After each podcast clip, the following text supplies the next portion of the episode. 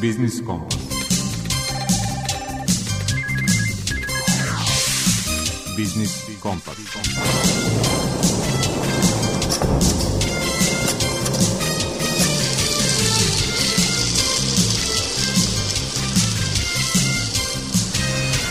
Pred mikrofonom je Đuro Vukilić.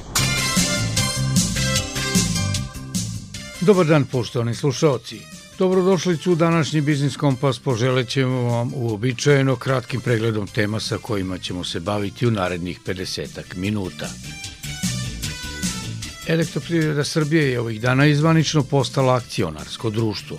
Tim povodom ćete u rubrici Aktualno čuti razgovor kolege Slobodana Šorka sa stručnjakom za energetiku kompanije Deloitte i bivšim direktorom Websu, Željkom Markovićem.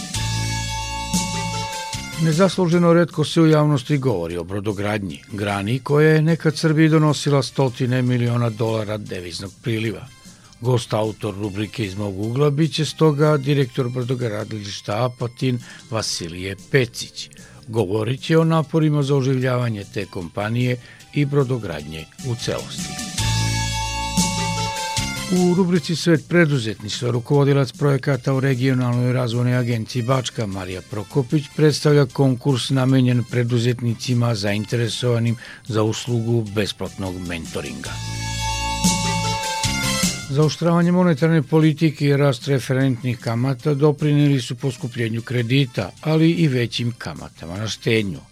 To ponovo čini aktualnu priču o aktivnim i pasivnim kamatama i izlaganje glavnog analitičara bankarskog sektora u sektoru za kontrolu poslovanja banaka u Narodnoj banci Nevene Sokolović. Tema rubrike Potrošačka korpa prava su česte zloupotrebe kod internet kupovine, odnosno na raznim promocijama ili kod kuće kupaca. Najčešće se roba prodaje najstarijim građanima po više strukovoćenim cenama. Kako to izbeći, savjetovaće vas pravni savjetnik u Udruženju za zaštitu potrošača Vojvodine, Mladen Alfirović. I pre najavljenih tema muzička pauza po izboru muzičkog urednika Zorana Gajinova.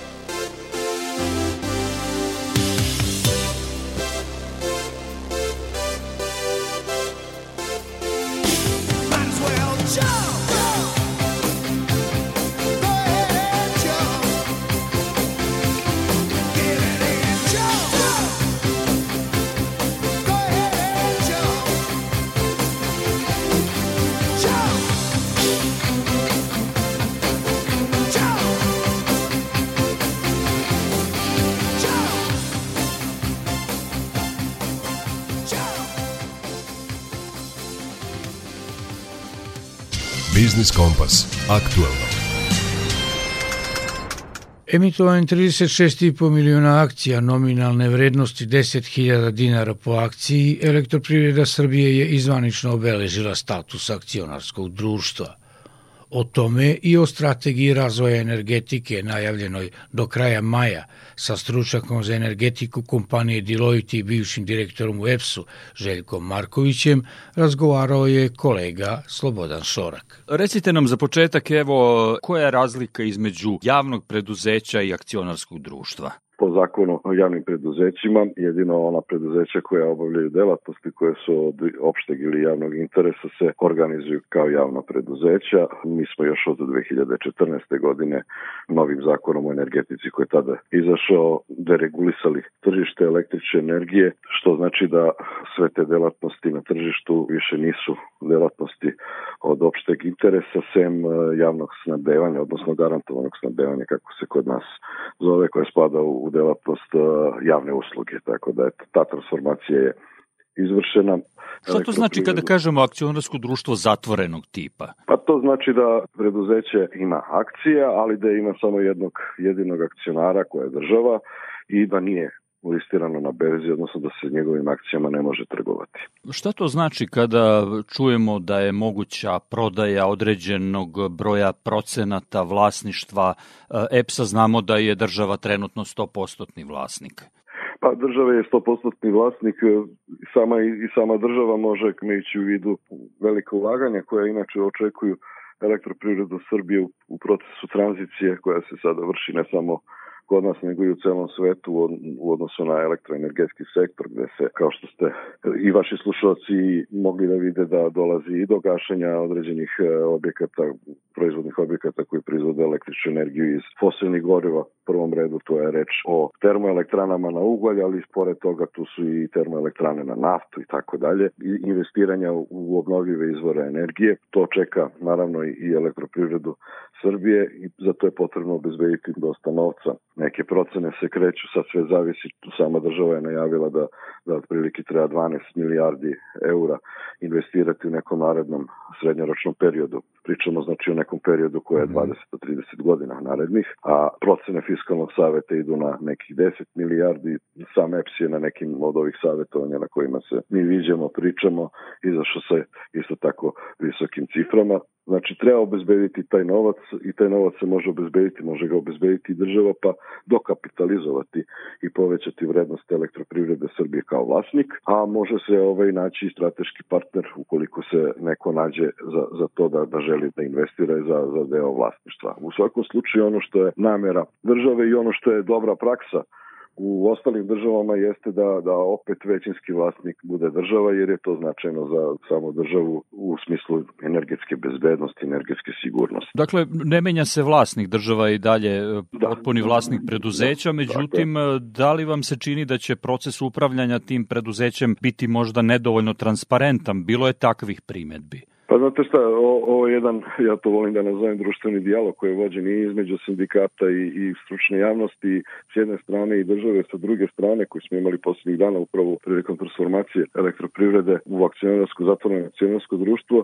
jeste da je zadržano nešto što smo imali i u modelu kada je funkcionisalo kao javno preduzeće, to je da bar jedan član tog nadzornog odbora koji rukovodi tim preduzećem bude iz redova zaposlenih. Pa mislim da će to obezbediti određenu transparentnost transparentnost, jer taj član će imati uvid u sve ono što preduzeće radi i moći će na vreme da alarmira i radnike tog preduzeća i stručnu javnost, dakle sve one zainteresovane strane koje prate ovaj rad elektroprivrede, da na vreme možemo i javno da reagujemo i da kažemo ono što, što mislimo. Verovatno ste pratili e, ono što su pričali sindikati, oni su izražavali određenu vrstu protesta, izražavali su bojazan da bi pojedini delovi ili aktivnosti EPS-a mogle da budu izmeštene. Šta možete da kažete na tu temu? Da li je moguće da neki deo aktivnosti prodaje struje ili tako dalje pređe u neke druge ruke? E, ja razumem njihov, njihovu bojazan, ali mislim da to realno nije moguće, niti je bilo tema, niti mislim da je to bila namera da se tako nešto radi. Naime,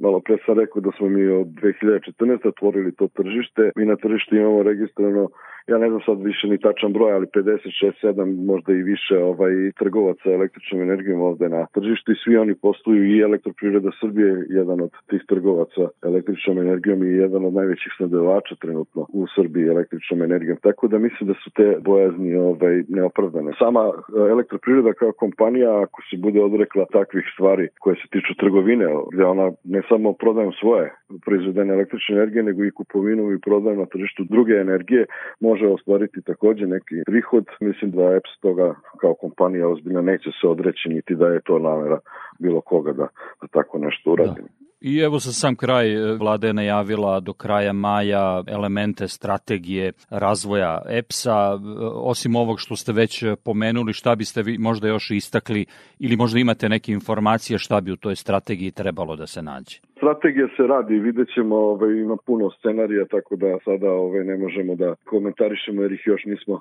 sve te scenarije videli. Strategija se bavi energetikom, ne samo elektroprivredom mm -hmm. Srbije, nego se bavi energetikom cele Republike Srbije i upravo ona treba da da neke smernice i put i da nam e, na neki način razjasni kako ćemo mi ići dalje u budućnosti, kako ćemo vršiti upravo tu transformaciju, kojim tempom ćemo smanjivati emisije gasova staklene bašte, na koji način ćemo nadoknaditi emisiji.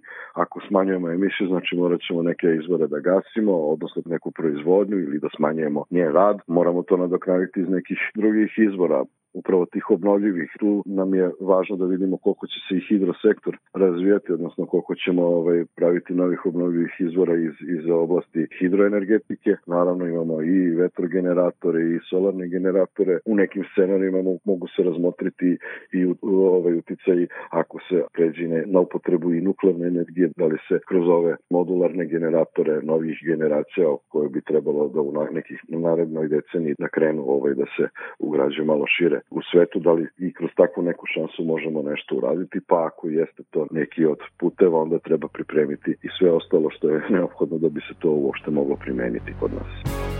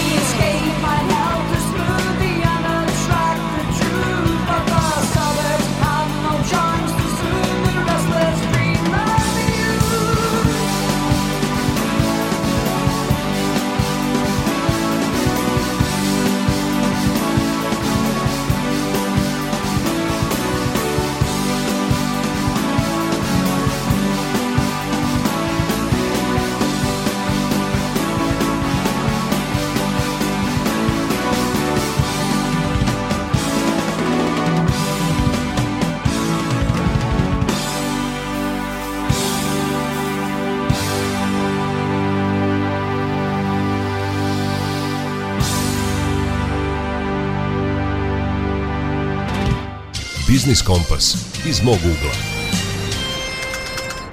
Brodogradnja je pre više od tri decenija pre tranzicije donosila Srbiji stotine miliona dolara deviznog priliva. Danas se ponajčešće svodi na remont brodova i tek poneko novo izgrađeno plovilo. O stanju srpske brodogradnje i naporima za oživljavanje brodogradilišta Apatin u rubrici iz mog ugla govori direktor Apatinskog brodogradilišta Vasilije Pecić. Što se tiče stanja brodogradnje u Srbiji, mogu da govorim u svoje ime i pošto je uglavnom smo koncentrisani na stanje našeg brodogradilišta, od ostalih brodogradilišta koliko znam koja su privatizovana, a sva su privatizovana, brodogradilište Vahali u Mačvanskoj Mitrovici gde su holandjani vlasnici i Kladovo takođe gde su holandjani vlasnici uglavnom rade novogradnju za naručioce iz Holandije. Od ostalih brodogradilišta sve su uglavnom to manja brodogradilišta i nemamo neku posebnu međusobnu saradnju ni pozitivnu ni negativnu. Brodogradilište Apatin je uglavnom orijentisano na remont. Tokom prošle godine smo imali tri novogradnje. Ozbiljnije opet za holandskog naručio. Tako da i ostala brodogradilišta, koliko znam, se uglavnom više manje bave remontom brodova. Što se tiče uopšte brodogradnje u Srbiji, Žao mi je što je ta grana u stvari je doživela istu sudbinu koji i ostale industrijske grane nakon tih nesretnih privatizacija i to tako da je većina brodogradilišta dovedena, ajde da kažemo, na samu ivicu opstanka, doduše neka su i nestala kao što je brodogradilište Novi Sad koje se više nigde i ne spominje. Lično mislim da je u brodogradnji velika razvojna šansa Srbije, pogotovo što Srbija praktički ima tri vodotoka potpuno plovna kroz Srbiju. Pod jedan Dunav, Dunav je skoro 600 km protiče kroz Srbiju, glavna evropska reka, glavna saobraćajna arterija što se tiče rečnog transporta, automatski je s time povezano i veliki broj brodova kojima je potrebna i remont, a pogotovo što su uglavnom u lošem i dotrajalnom stanju, pretpostavljam doće vreme kad će morat da se ti brodovi zanove i sa novim brodovima. Takođe, Tisa je kompletno plovna kroz Srbiju kao i Sava. Još ako dodamo vojvođanske vodotoke, kanale koji su plovni, znači perspektiva i brodogradnje i vodnog, to je strečnog saobraćaja u Srbije po meni jako velika. Da li će nadležni organi u državi da to prepoznaju? Čini mi se da i tu ima nekih pozitivnih pomaka. Mi lično od države nismo tražili nikakve ni dotacije, mada moram da pohvalim, imali smo upit od strane premijerke, da li nam treba neka pomoć. Nama na sreću nije trebala nikakva pomoć, mi smo sobstvenim snagama došli od toga da trenutno imamo skoro 60 stalno započenih radnika i radi otprilike 30 do 40 kooperanata mesečno. Tako da je, to je neka upošljenost kapaciteta trenutno naša. Kapacitet je daleko veći, ali problem je malo, ne malo, nego puno nedostatak inženjerskog kadra. I to je u perspektivi, ja mislim, da će biti glavni problem nedostatak kvalitetnog stručnog kadra u industrijskoj delatnosti. Tu su opet neki pomaci pozitivni preko dualnog obrazovanja i to čemu mi dajemo podršku i gde ćemo učestvovati to, ali ponovo ističem problem je nedostatak kvalitetnog inženjerskog kadra, pogotovo što su većina brodogradilišta locirana van glavnog centra Beograda i Novog Sada, gde ovi mladi inženjeri nerado dolaze da se angažuju na poslu. I neki red da se uspostavi, jer mi sad imamo na rekama i nekih divljih, ne bih to nazvao brodogradilišta, ne, ne, nego nekih radionica i poluradionica gde se u nekom haosu izvlače neki brodovi, nešto se radi, meni nepoznato na koji način i zašto to sve dozvoljava. I iz tehničkih i iz ekoloških razloga. Ovo je neko najkreće moje viđenje. E sad, šta sve bi mogla država da učini za brodogradnju, to je već malo šira tema i ne može sve to da se elaborira u kratkom vremenu ali dovoljno je da pokaže interesovanje za tu delatnost, pa onda bi u kontaktima sa njima videli na koji način, a u suštini po meni ne treba puno da se učini da bi se ova delatnost ipak podigla na nivo, ne mora kao što je nekad bila, ali na neki bar približan nivo.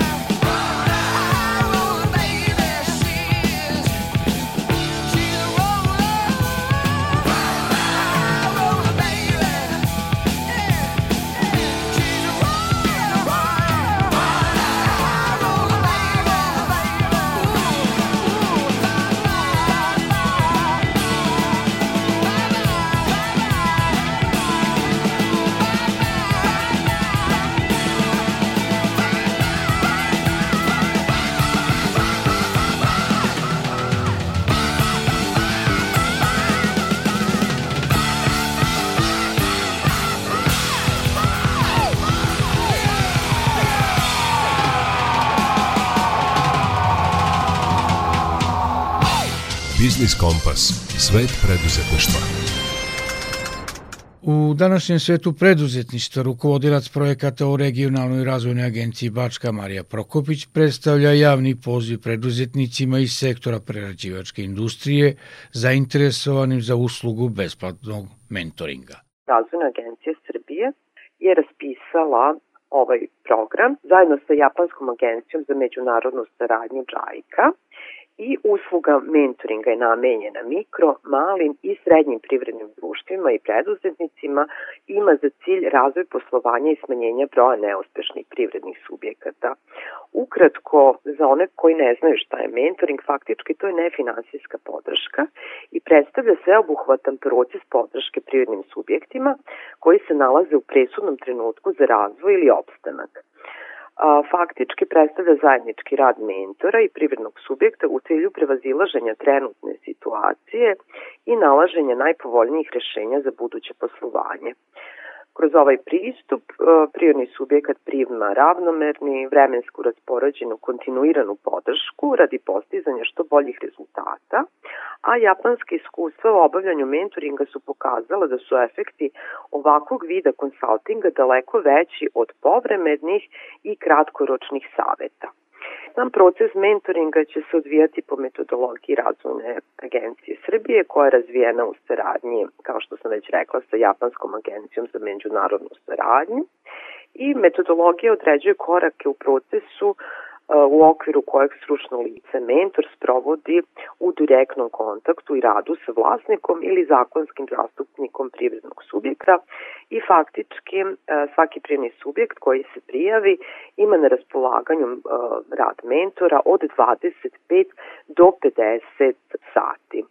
A šta je još bitno reći? Znači, a, mogu da se prijave preduzetničke radnje, mikro, mala i srednja preduzeća koje su registrovane na teritoriji Republike Srbije pre aprila, 10. aprila 2020. godine. Sam poziv je otvoren do 26. maja 2023. i u suštini dokumentacija koja se podnosi nije obimna, faktički neophodno je da se ispuni prijava koja se može naći na sajtu Razvojne agencije Srbije ili na sajtu Regionalne razvojne agencije Bačka, kao i uverenje nadležne poreske uprave da je podnosilac prijave izmirio sve javne prihode, odnosno poreze i doprinose u prethodnoj godini.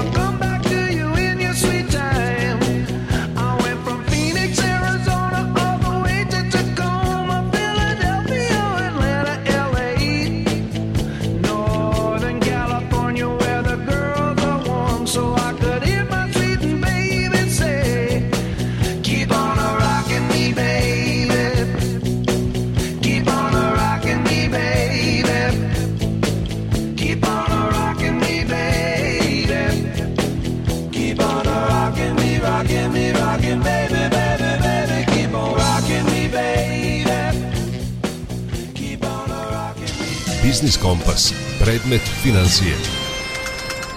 Sa zaoštravanjem monetarne politike centralnih banaka i kamatne politike poslovnih banaka, kamate su ponovo postale važna tema. Stoga nije na odmet da se posjetimo toga šta su aktivne, a šta pasivne kamate. O njima će govoriti glavni analitičar bankarskog sektora u sektoru za kontrolu poslovanja banaka u Narodnoj banci Nevena Sokolović. Pasivne kamatne stope predstavljaju cenu koju banka plaća klijentu za njegova deponovana sredstva na računu u banci. Na ovaj način klijentu je omogućeno da očuva vrednost uloženih sredstava. Visina ove kamatne stope zavisi od iznosa deponovanih sredstava, roka na koji se deponuju ta sredstva, valute u kojoj su sredstva deponovana, kao i uslova na tržištu. Takođe, način i mogućnost raspolaganja sredstvima za vreme njihovog oročenja su jedan od faktora koji opredeljuje visinu kamatne stope u smislu da li su sredstva oročena na duži rok ili su u pitanju depoziti po viđenju. Nakon dužeg perioda niskih kamatnih stopa, kamatne stope na depozite beleže rast, što utiče i na to da štednja sve više postaje isplativija. Prema poslednjim raspoloženim podacima, kamatna stopa na depozite stanovništva kreće oko 4,5% za dinarska sredstva, odnosno 2,5% na devizna sredstva. Istakli bismo i to da su većom isplativošću i većim prinosima kod štednje u domaćoj valuti nego na one u devizama naročito doprineli. Ostvarena i sačuvana makroekonomska i finansijska stabilnost duži niz godina, relativno stabilan kurs dinara prema evru, visok nivo deviznih rezervi, odnosno relativno više kamatne stope na dinarsku štenju nego na štenju u evrima, kao i izuzimanje poreza na dinarsku štenju, dok se kamata na štenju u evrima oporezuje po stopi od 15%. S druge strane, aktivna kamatna stopa predstavlja cenu korišćenja sredstava kredita kod banke i izražena je u procentima na godišnjem nivou. Banka sredstva odobrava klijentu pod određenim uslovima u zavisnosti od više faktora. Vrste klijenta, na primjer da li je klijent pravno ili fizičko lice, iznosa kredita, njegove namene, roka na koji se sredstva odobravaju, valute, kreditnog rejtika klijenta, sredstava obezbeđenja i uslova na tržištu. Kod kredita postoji nominalna i efektivna kamatna stopa. Nominalna je osnovna ugovorena stopa, a efektivna kamatna stopa se dobije kada se na nominalnu kamatnu stopu dodaju troškovi koje klijent ima u vezi sa kreditom. Odnosno, ona uključuje i sve naknade koje banka naplaćuje klijentu i ima za cilj da prikaže stvarnu cenu finansijske usluge. Na visinu nominalne kamatne stope pre svega utiče cena izvora finansiranja, odnosno kamatna stopa po kojoj banka pribavlja sredstva na tržištu novca. Najčešće onu koju plaća na depozite i na sredstva pribavljena na međubankarskom tržištu novca. Krediti se mogu odobravati sa fiksnom i sa promenljivom kamatnom stopom, fiksna stopa se ne menja tokom celog perioda otplate, a promenljiva se povremeno prilagođava nekoj referentnoj vrednosti, na primer tromesečnom ili šestomesečnom euriboru. Kada su u pitanju krediti sa fiksnom ili promenljivom kamatnom stopom, odnosno da li će ih pojedinačne banke nuditi klijentima, banke su slobodne da to učine u skladu sa svojom kreditnom politikom i katalogom proizvoda. Međutim, posjećamo da je Narodna banka Srbije još 2018. godine propisala da su banke dužne da klijente koji uzimaju kredit sa promenljivom kamatnom stopom na odgovarajućem obrazcu obaveste o rizicima zaduživanja sa promenljivom kamatnom stopom, pri čemu klijentima daju poseban prikaz rasta rate kredita u slučaju rasta ove kamatne stope. Prema poslednjim raspoloženim podacima, prosječna kamatna stopa na dinarske kredite stanovništvu iznosila je 12,9%, pri čemu većina dinarskih kredita stanovništvu se odnosi na gotovinske kredite. Kada su u pitanju podaci o kreditima u evrima ili evroindeksiranim kreditima, stanovništvo se najviše zadužuje za stambene potrebe i to po kamatnoj stopi od 5,4%. Trenutno su kamatne stope u porastu i na dinarske, i na devizne, i na devizne indeksirane kredite, imajući u vidu da su i Narodna banka Srbije i Evropska centralna banka u ciklusu pooštravanja monetarnih uslova kako bi se zaustavio rast inflacije i kako bi se ona našla na opadajućoj putanji.